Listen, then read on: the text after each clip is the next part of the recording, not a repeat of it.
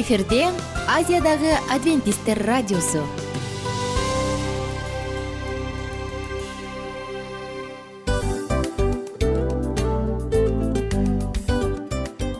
Достор салют. Баардык сүйүктүү угармандарыбызга салам айтабыз. Кутман күнүңүздөр менен. Ден соолук өмүрдүн булагы демекчи саламат саамы программасында баарыңыздарды көргөнүбүзгө абдан кубанычтабыз. Анда алгач амандашып өтөлү арбаңыздар деп. Ден соолугуңуздар кандай элибизде көбүнчө ден соолук кандай дегенде эле жакшы деп жооп беребиз э? ооруп турсак дагы жакшы дейбиз. Анан мен муну айтып ойлойт элем бул абдан сонун сөз депчи анткени бул жакшы деген үмүт да э ооба баары жакшы болот. Баары сонун. Деп үмүттөнүп атып эле өзүбүздү өзүбүз дарылап коебуз.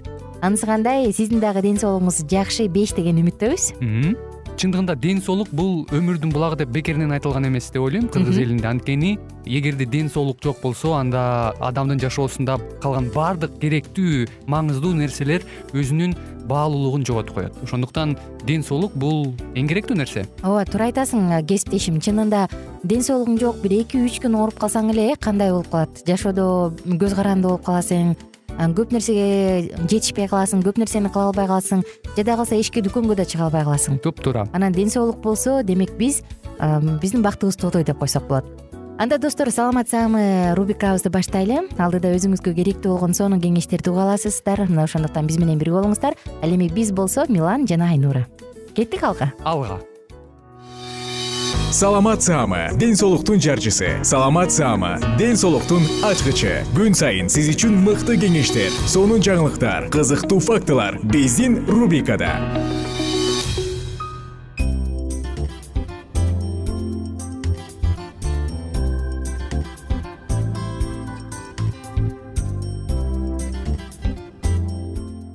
Кутман күнүңүздөр менен замандаштар баардык сүйүктүү угармандарыбызга ысык салам жана салам айтуу менен бирге сиздерди саламат саама рубрикасына кош келиңиздер деп чакырам. Достор бүгүнкү уктурууда дарыгерлер менен болгон маекте сонун маалыматтар айтылат. Жана мен ишенем бул маалыматтар сиздин жашооңузда чоң жардам тийгизет деп. Жагымдуу мүнөттөр бирге болсун биздин жыштыктан алыстабаңыздар радионун үнүн өктөмүрөөк чыгарып керек болсо кагаз калем сап алып керек болсо өзүңүздүн уюлдук телефондон диктофондун күйгүзүп алып жаздырып алганга дагы аракет кылыңыз анткени чындыгында бул сонун белек маалыматтар кымбат маалыматтар сиздер үчүн. Жагымдуу мүнөттөрдү бирге өткөрөлү. Салам достор. Баардык угармандарыбыз менен кайрадан амандашканыбызга кубанычтамын. Баарыңыздарга кутман куш убакы күнүңүздөр менен. Эмесе достор бүгүнкү уктурубуз дагы атайы чыгарылыш деп атасак болот. Анткени кечээ биринчи декабрда баарыбызга маалым болгондой бүткүл дүйнөлүк спидке каршы күрөшүү күнү атып мына ушул жаатта спид тууралуу дагы бир жолу маалымдар болуп ар бир биздин жараныбызды сергек жашоого адеп ахлактуулукка чакыруу максатында бүгүнкү уктуруубузду сиздер үчүн арнайбыз. Аты жөнүм айнура миназарова анда эмесе биздин саатыбыз старт алды. Достор бүгүн биздин коногубуз бар. Коногубуз республикалык спид борборунун мүдүрү орусча айтканда директору үмүт жусуповна. Саламатсызбы? Саламатчылык. Кош келипсиз. Дагы бир жолу сиз менен жолугушканыма кубанычтамын. Майрамыңыздар менен жана майрамдар менен келе жаткан көрөрмандарыбызды досторубузду дагы жаңы жыл менен куттуктасак болот э болгону жыйырма тогуз күн калды анда достор бүгүн сиздер менен жогоруда айтылгандай эле ошол спид тууралуу дагы бир жолу маалымдар бололу дедик. Кечээ биринчи декабрда бириккен улуттар уюму бир миң тогуз жүз сексен сегизинчи жылдан бери ушул күндү бүткүл дүйнөлүк деңгээлде спидке каршы күрөшүү күнү деп атап жарыялашпадыбы мына ошол себептен биз бул нерсени дагы четке калтырсак болбос. Анткени канча деген оорулуу бөбөктөрүбүз э оорулуу балдар өз жанын кыйгандар дагы жок эмес тилекке каршы көптөгөн кыйналыштуу тагдырлар көп. Мунун себеби эмнеде? Жана мындан кантип сактаныш керек. Спид акырындык менен өлүмгө дуушар кылчу оорубу спид бул өлүмгө болгон өкүмбү. Бүгүнкү темабыз угармандарыбыздын жана көрөрмандарыбыздын баарын бизге чакырмакчыбыз. Сөзсүз түрдө бул жаатта сизде суроо бар деп ишенем. Кызыктар болгон суроолордун баардыгын алдына алды жакка комментарий кылып жөнөтүңүз дароо биз адистен сонун жоопторду алабыз деп кепилдик беребиз. Youtube каналынан көрөсүзбү же кийин бизди социалдык тармактардан көрөсүзбү дайыма өзүңүзгө кызыктар болгон суроолордун баардыгын комментарий кылып калтырыңыздар. Анда үмүт жусуповна менин алгачкы эле суроом. Ушул күнү жөнүндө сөз болуп аткандыктан кыскача бир аз маалымат айтып берсеңиз. Сиз туура белгилеп кеттиңиз э, бир миң тогуз жүз сексен сегизинчи жылдан бери белгиленип келатат быйыл отуз экинчи жылы белгилеп атабыз бул күндү бул күндүн негизги максаты э, ушул э, күнгө карата саламаттык сактоо министрлигинен бир айлык жарыяланат. Биринчи ноябрдан биринчи декабрга чейин бир айлык жарыяланат. Иш чаралар өткөрүлөт иштелип чыгат. Ал сааламат сактоо министрлиги тарабынан бекитилет андан кийин бул күндүн негизги максаты ушул бир айлыктын да негизги максаты калк арасында кеңири түшүндүрүү иштерин жүргүзүү коомчулуктун э, көңүлүн буруу. Булордагы жетишкендиктер э, жүргүзүлүп жаткан иштер жөнүндө кеңири элдерге айтып берүү. Кыскасы кеңири түшүндүрүү иштерин айтуу маалымат берүү э? маалымат берүү. Андан кийин бүгүнкү күндө баягы антиретровирустук препараттар бар. Мурда дарысы жок болсо элдин баары каза болчу жыйырма биринчи кылым жыйырманчы кылымдын чумасы деп айтылып келип элдердин үрөйүн учуруп койгонбуз. Кээ бирөө бүгүнкү күнгө чейин ошо чума двадцатого века деп эме кылышат бирок бүгүнкү күнү бул өнөкөт узакка созулган жугуштуу оору деп эсептелинет. Анткени бүгүнкү күнү дарысы бар муну даарыны ичкендер кадимки соо адамдардай эле үйлөнүшөт балалуу болушат узакка жашашат. Ошон үчүн бул күндүн негизги максаты ошол да. Анан ар бир жылдын өзүнүн девизи бар. Быйылкы жылдын девизи эл аралык тилектештик жалпы жоопкерчилик деп аталат да. Ошон үчүн биз бир айдын ичинде калк арасында кеңири түшүндүрүү иштерди жүргүздүк. Маалымат маалымат каражаттары аркылуу сүйлөп атабыз э, газеттерге статьяларды жаздык видеороликтерди тартып атабыз. Ар кандай э, конкурстарды өткөрдүк. Көчө ошолордун баарын жыйынтыктап э, жыйынтыктадык да. Жакшы чоң рахмат менде дагы ушундай суроо болуп турат. Эми азыркы учурда биз вич десе эле и спид менен ооруйт деп айтат эмеспизби көбүнчө. Вич менен спидтин айырмачылыгын айтып берсеңиз. Вич бул деген вирус жөнүндө айтылат да. Вирус вич деген адамдын иммуно жетишсиздик вирусу жөнүндө айтылып атат да. Вирус эми сырткы чөйрөдө туруксуз болот. Ал сырткы чөйрөдө элүү алты градус цельсияда жарым саатта өлөт. Ал эми жанагы сырткы чөйрөдө. Ал эми жанагы дез каражаттарды колдонуп атпайбызбы медициналык мекемелерде алар э, сразу эле өлтүрөт да батыраак эле өлтүрөт. Ошон үчүн бүгүнкү күндө ошо вич жөнүндө айтылып атат да сырткы чөйрөдө туруксуздугу. Андан кийин бул вирус бир гана адамдын организминде суюктуктарында жашай турган вирус болуп саналат. Ал эми вич инфицированный деген да термин бар. Вич инфекциясын алып жүрүүчүлөр булар организмде вирус бар бирок баягы симптомдору жок болгондуктан бул контингенттер сырткы чөйрөгө коркунуч туудурат анткени бул кишилер ооруп аткандыгын билбейт башка кишилерге жуктуруп коюшу мүмкүн да. Анан спид деген уже терминальный стадия деп коебуз төртүнчү стадиясында спид деген диагноз коюлат. Бул спид деген сөздүн биринчи тамгасы синдром деп аталат да. Синдром приобретенного иммунодефицита деп атпайбы э. Синдром дегенде бул бир гана симптом эмес бул жерде комплекс симптомов болот да. Мисалы букет болезни. э, букет болезни деп коебуз. Анткени вирус организмге киргенден кийин иммундуу клеткалардын баарын жабыркаткандан кийин иммунитет чыкпай калат да адам кайсы организмде буга чейин деле кайсы оору менен ооруп жүргөн болсо иммунитет жок болгондон кийин ошол оорулар дагы күчөйө баштайт. Сырттан толгон микробдор бар да азыр туберкулезный палочка жабышы мүмкүн. Азыр грипптен түрлөрү болуп атат. Ошолордон эле жөнөкөй эле оорудан киши осложнение берип каза болуп калышы мүмкүн да. Ошон үчүн спид деген ошо комплекс симптомов деп коебуз да төртүнчү стадиясы. Достор жогоруда айтылгандай эле эң сонун маалыматтар биздин ден соолугубузду коргоо үчүн бүгүнкү күндө бар канчалык маалымдар болсоң ошончолук куралданган болот эмессиңби мына ошондуктан бүгүнкү айтылган маалыматтар дагы жашооңузга чоң таасирин берип жардамын берип сизди ар кандай кырсыктан ден соолукту сакташ үчүн жаман нерселерден сактасын оорулардан дарттардан сактасын. Адамдын биринчи байлыгы ден соолук адамга экинчи байлык ак жоолук керек. Бирок ак жоолук ден соолуксуз кызык мына ошондуктан сиздерге кааларыбыз албетте. Бекем ден соолук. Өзүңүздүн колуңуздагы байлыкты сактаңыз барктаңыз. Жана албетте бул үчүн болгон күрөшүңүздү жумшаңыз. Адам баягы жашоосунда колдон келишинче акча таап алып туруп анан кийин улгайып калган кезде баардык тапканын кайра өзүнүн ден соолугуна жумшагандан көрө мейли аз тапса дагы бирок оорубай жашоонун кубанычын татып жашаганга эмне жетсин? Ошондуктан ар бириңиздерге кааларым бекем ден соолук коштошобуз достор сиздер менен. Кийинки уктуруулардан кайрадан амандашканча бар болуңуздар. Сак саламатта туруңуздар. Күнүңүздөр көңүлдүү маанайда улансын.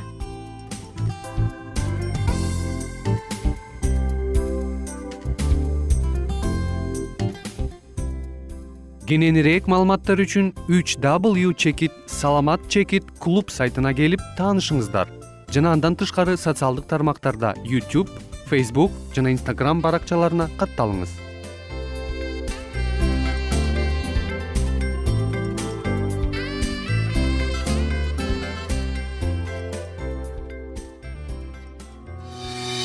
Саламат саама ден соолуктун жарчысы. Саламат саама ден соолуктун ачкычы. Күн сайын сиз үчүн мыкты кеңештер сонун жаңылыктар кызыктуу фактылар. Биздин рубрикада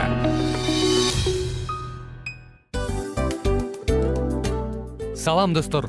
Кайрадан биздин сүйүктүү рубрикабызга кош келиңиздер деп айтмакчыбыз.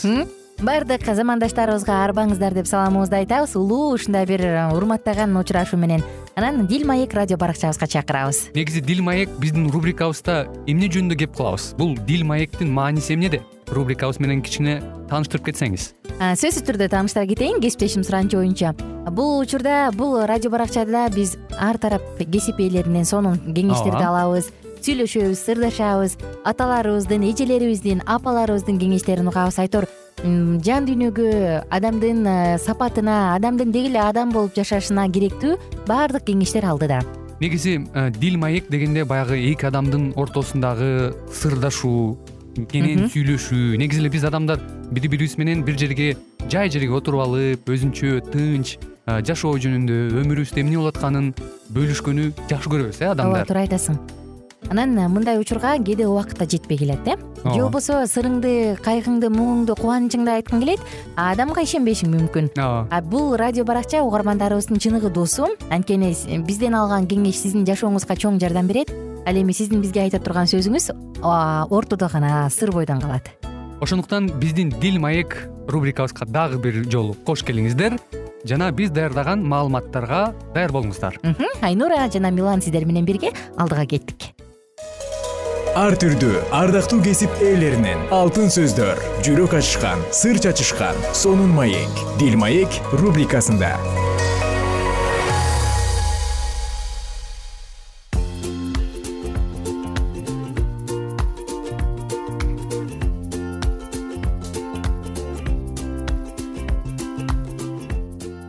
арбаңыздар кадырлуу замандаштар сүйүктүү достор жалпыңыздар менен амандашып биз жагымдуу саатыбызды баштадык. Бул дил маек радио баракчасы.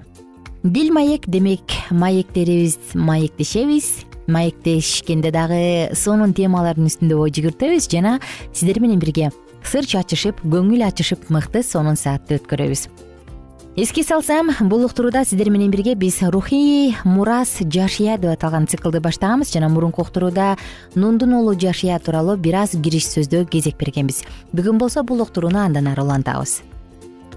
Жүрөк үчүн алган кабар. Чалгынчылар канаан жеринин аябай жакшы экендигин айтып келишкени менен көбү жүрөк заада болуп кайтышкан. Алар ошол жерде чоң ички жаңжал бар болгонун ошол жер өз тургундарын жалмаган жер же кызыл кыргын кара сүргүн кетпеген жер экенин айтып келишкен. Көп сандаган ар түрдүү этностук топтор жашаган кичинекей өлкөдө албетте бул өңдүү ич ара жарандык согуштар болбой коймок эмес.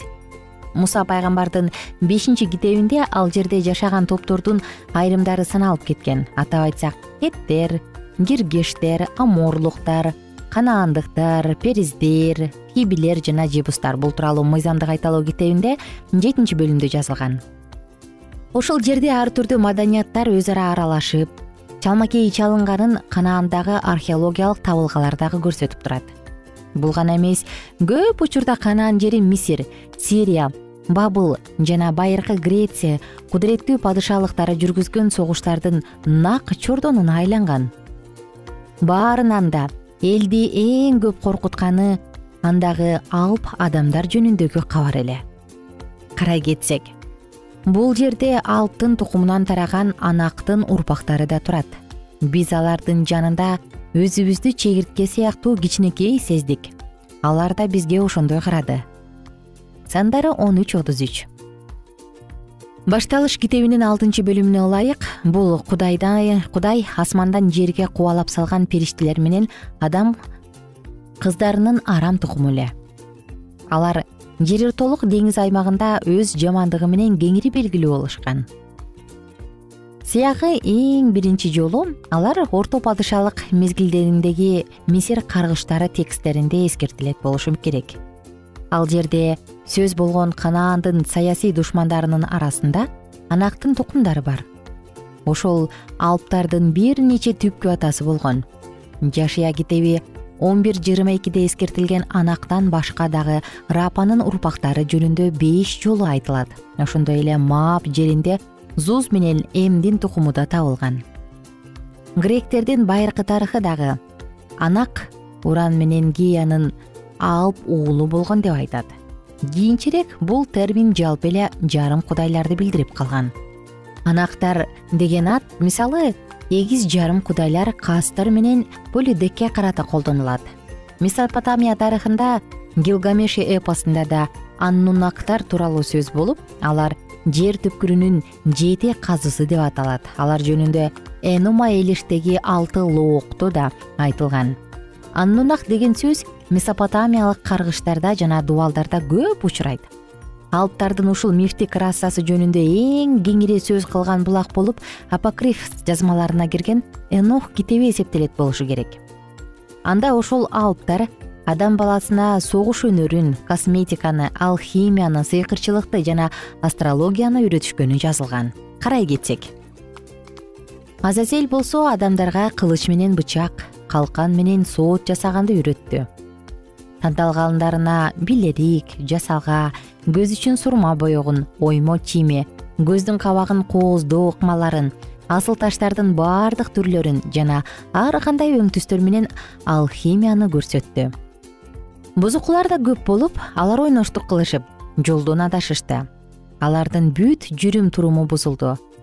Амасроз сыйкырчылык менен тамыр кесүүгө армароз дубанын күчүнөн бошонууга баракыял астрологияга кокаререл жышаан белгилерди таанууга тамил жылдыздарды байкоого абдезерил болсо айдын жүрүшүн байкоого жана адам алдоого үйрөттү.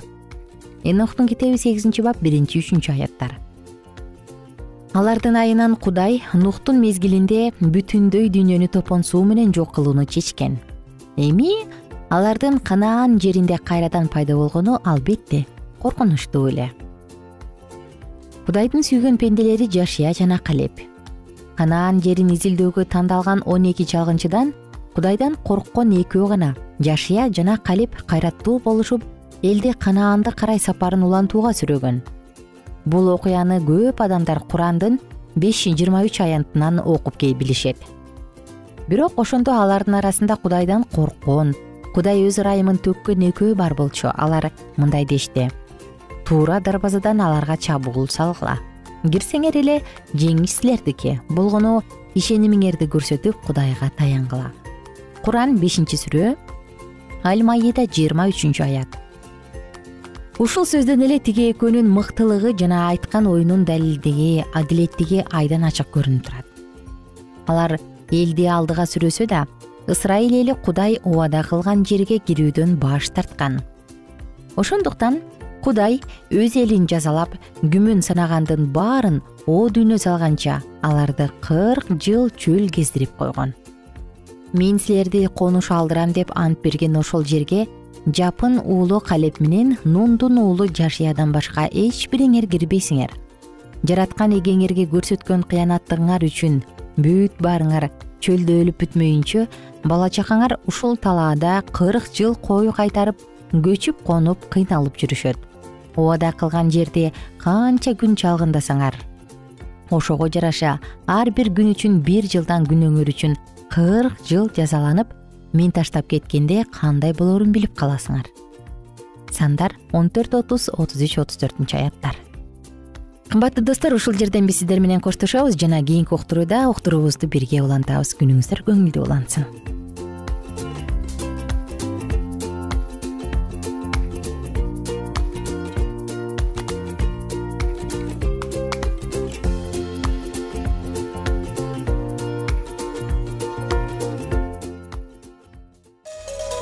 ар түрдүү ардактуу кесип ээлеринен. Алтын сөздөр жүрөк ачышкан сыр чачышкан сонун маек. Дил маек рубрикасында.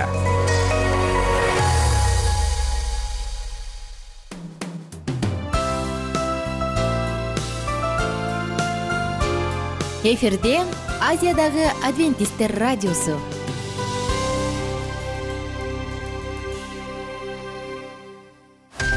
жан дүйнөңдү байыткан жүрөгүңдү азыктанткан жашооңо маңыз тартуулаган жан азык рубрикасы.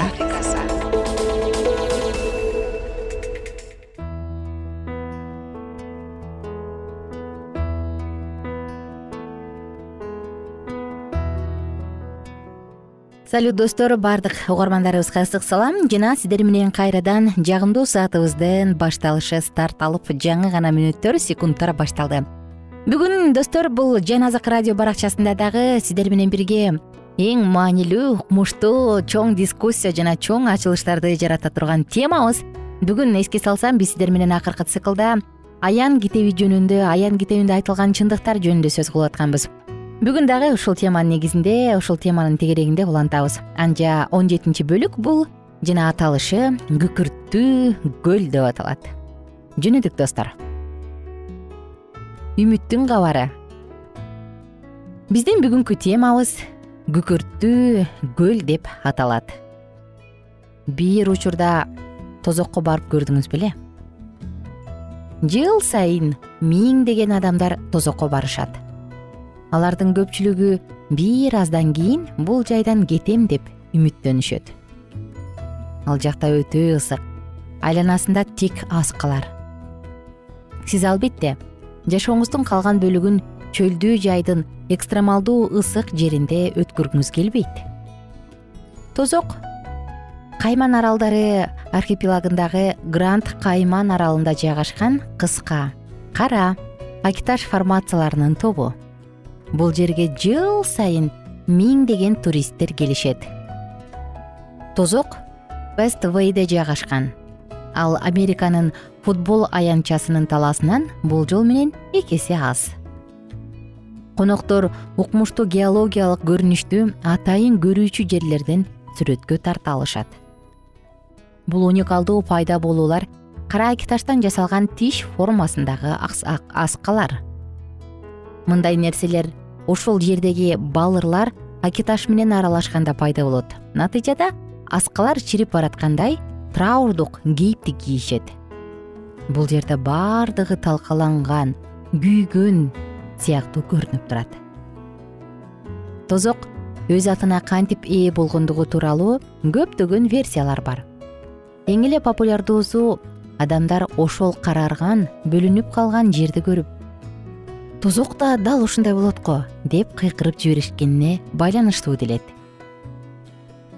Акиташтардан пайда болгон формацияга таш ыргытсаң анын ыргып баратканы аскалардын арасынан жаңырып таш эң түбүнө тозокко чейин кулап бараткандай туюлат. Мына ушундан тозок деген аталыш келип чыккан дегендер дагы бар. Ошол жай качан тозок деп аталганына карабастан азыркы күнгө чейин ушундай аталышты алып жүрөт. Райондо почта бөлүмү бар. Анда өрт өчүрүүчүлөрдүн унаасы жана тозоктун символикасы тартылган жана тозоктон открыткаларды дагы жөнөтсө болот ошондой эле. Тозоктогу сувенирлердин дүкөндөрү бар туристтер үчүн эң сонун кызыктуу ажайып жер болот.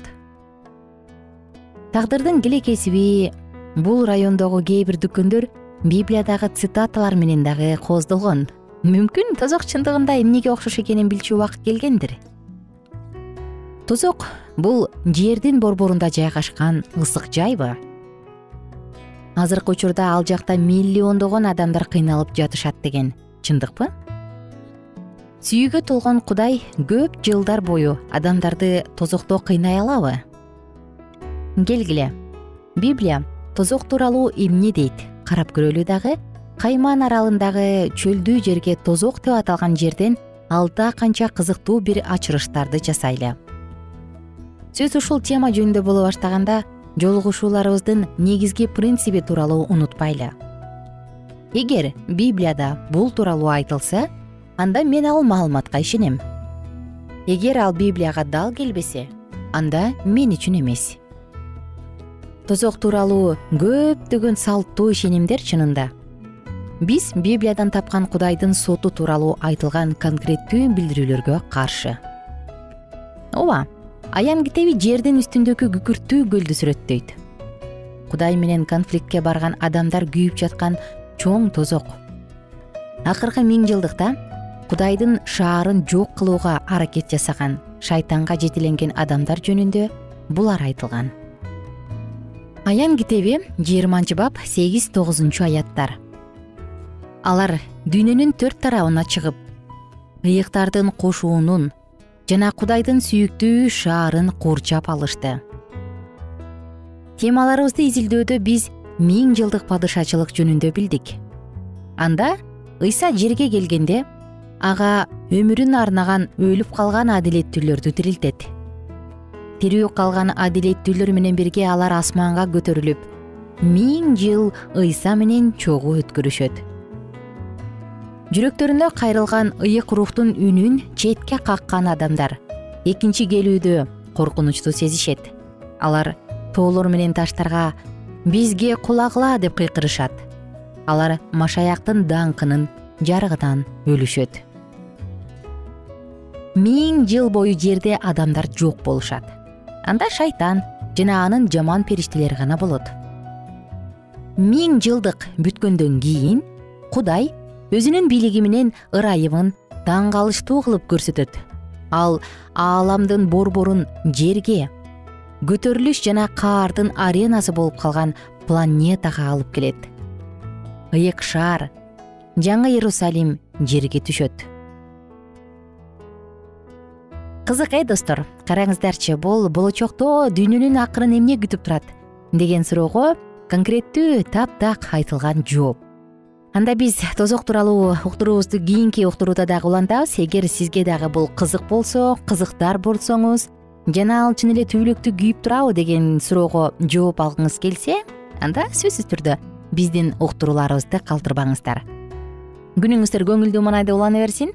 Бар болуңуздар жана бай болуңуздар. Жалпыңыздар менен кийинки уктуруубузда биз темабызды андан ары улантабыз достор жаратканыбыздын ырайымы сиздин үстүңүздө болсун жана жаратканыбыз сиздерди колдосун коргосун. Бар болгула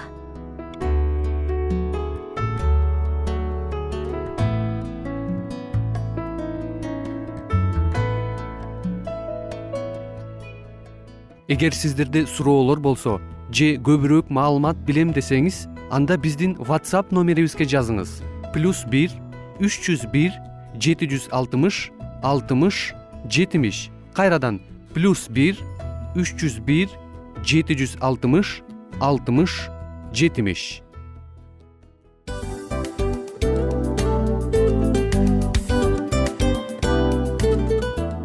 Ушул менен достор программабыздын уктуруубуздун эң кайгылуу мөөнөтүнө келип жеттик кайгылуу дегенде ыйлагым келип кетти кесиптеш. Кадимкидей. Анткени баягы учурашасың анан коштошуу учур келгенде ии кантип ии эми бат баттан келиптир э сагындырбай деп атып араң коштошобуз го анысы кандай угармандарыбыз менен коштошчу учур келди кийинки уктурууларды сагыныч менен жүрөгүбүздө кусалык менен күтөбүз жалпыңыздарды анан жарым сааттык уктуруу көз ачып жумганча өтүп кетти.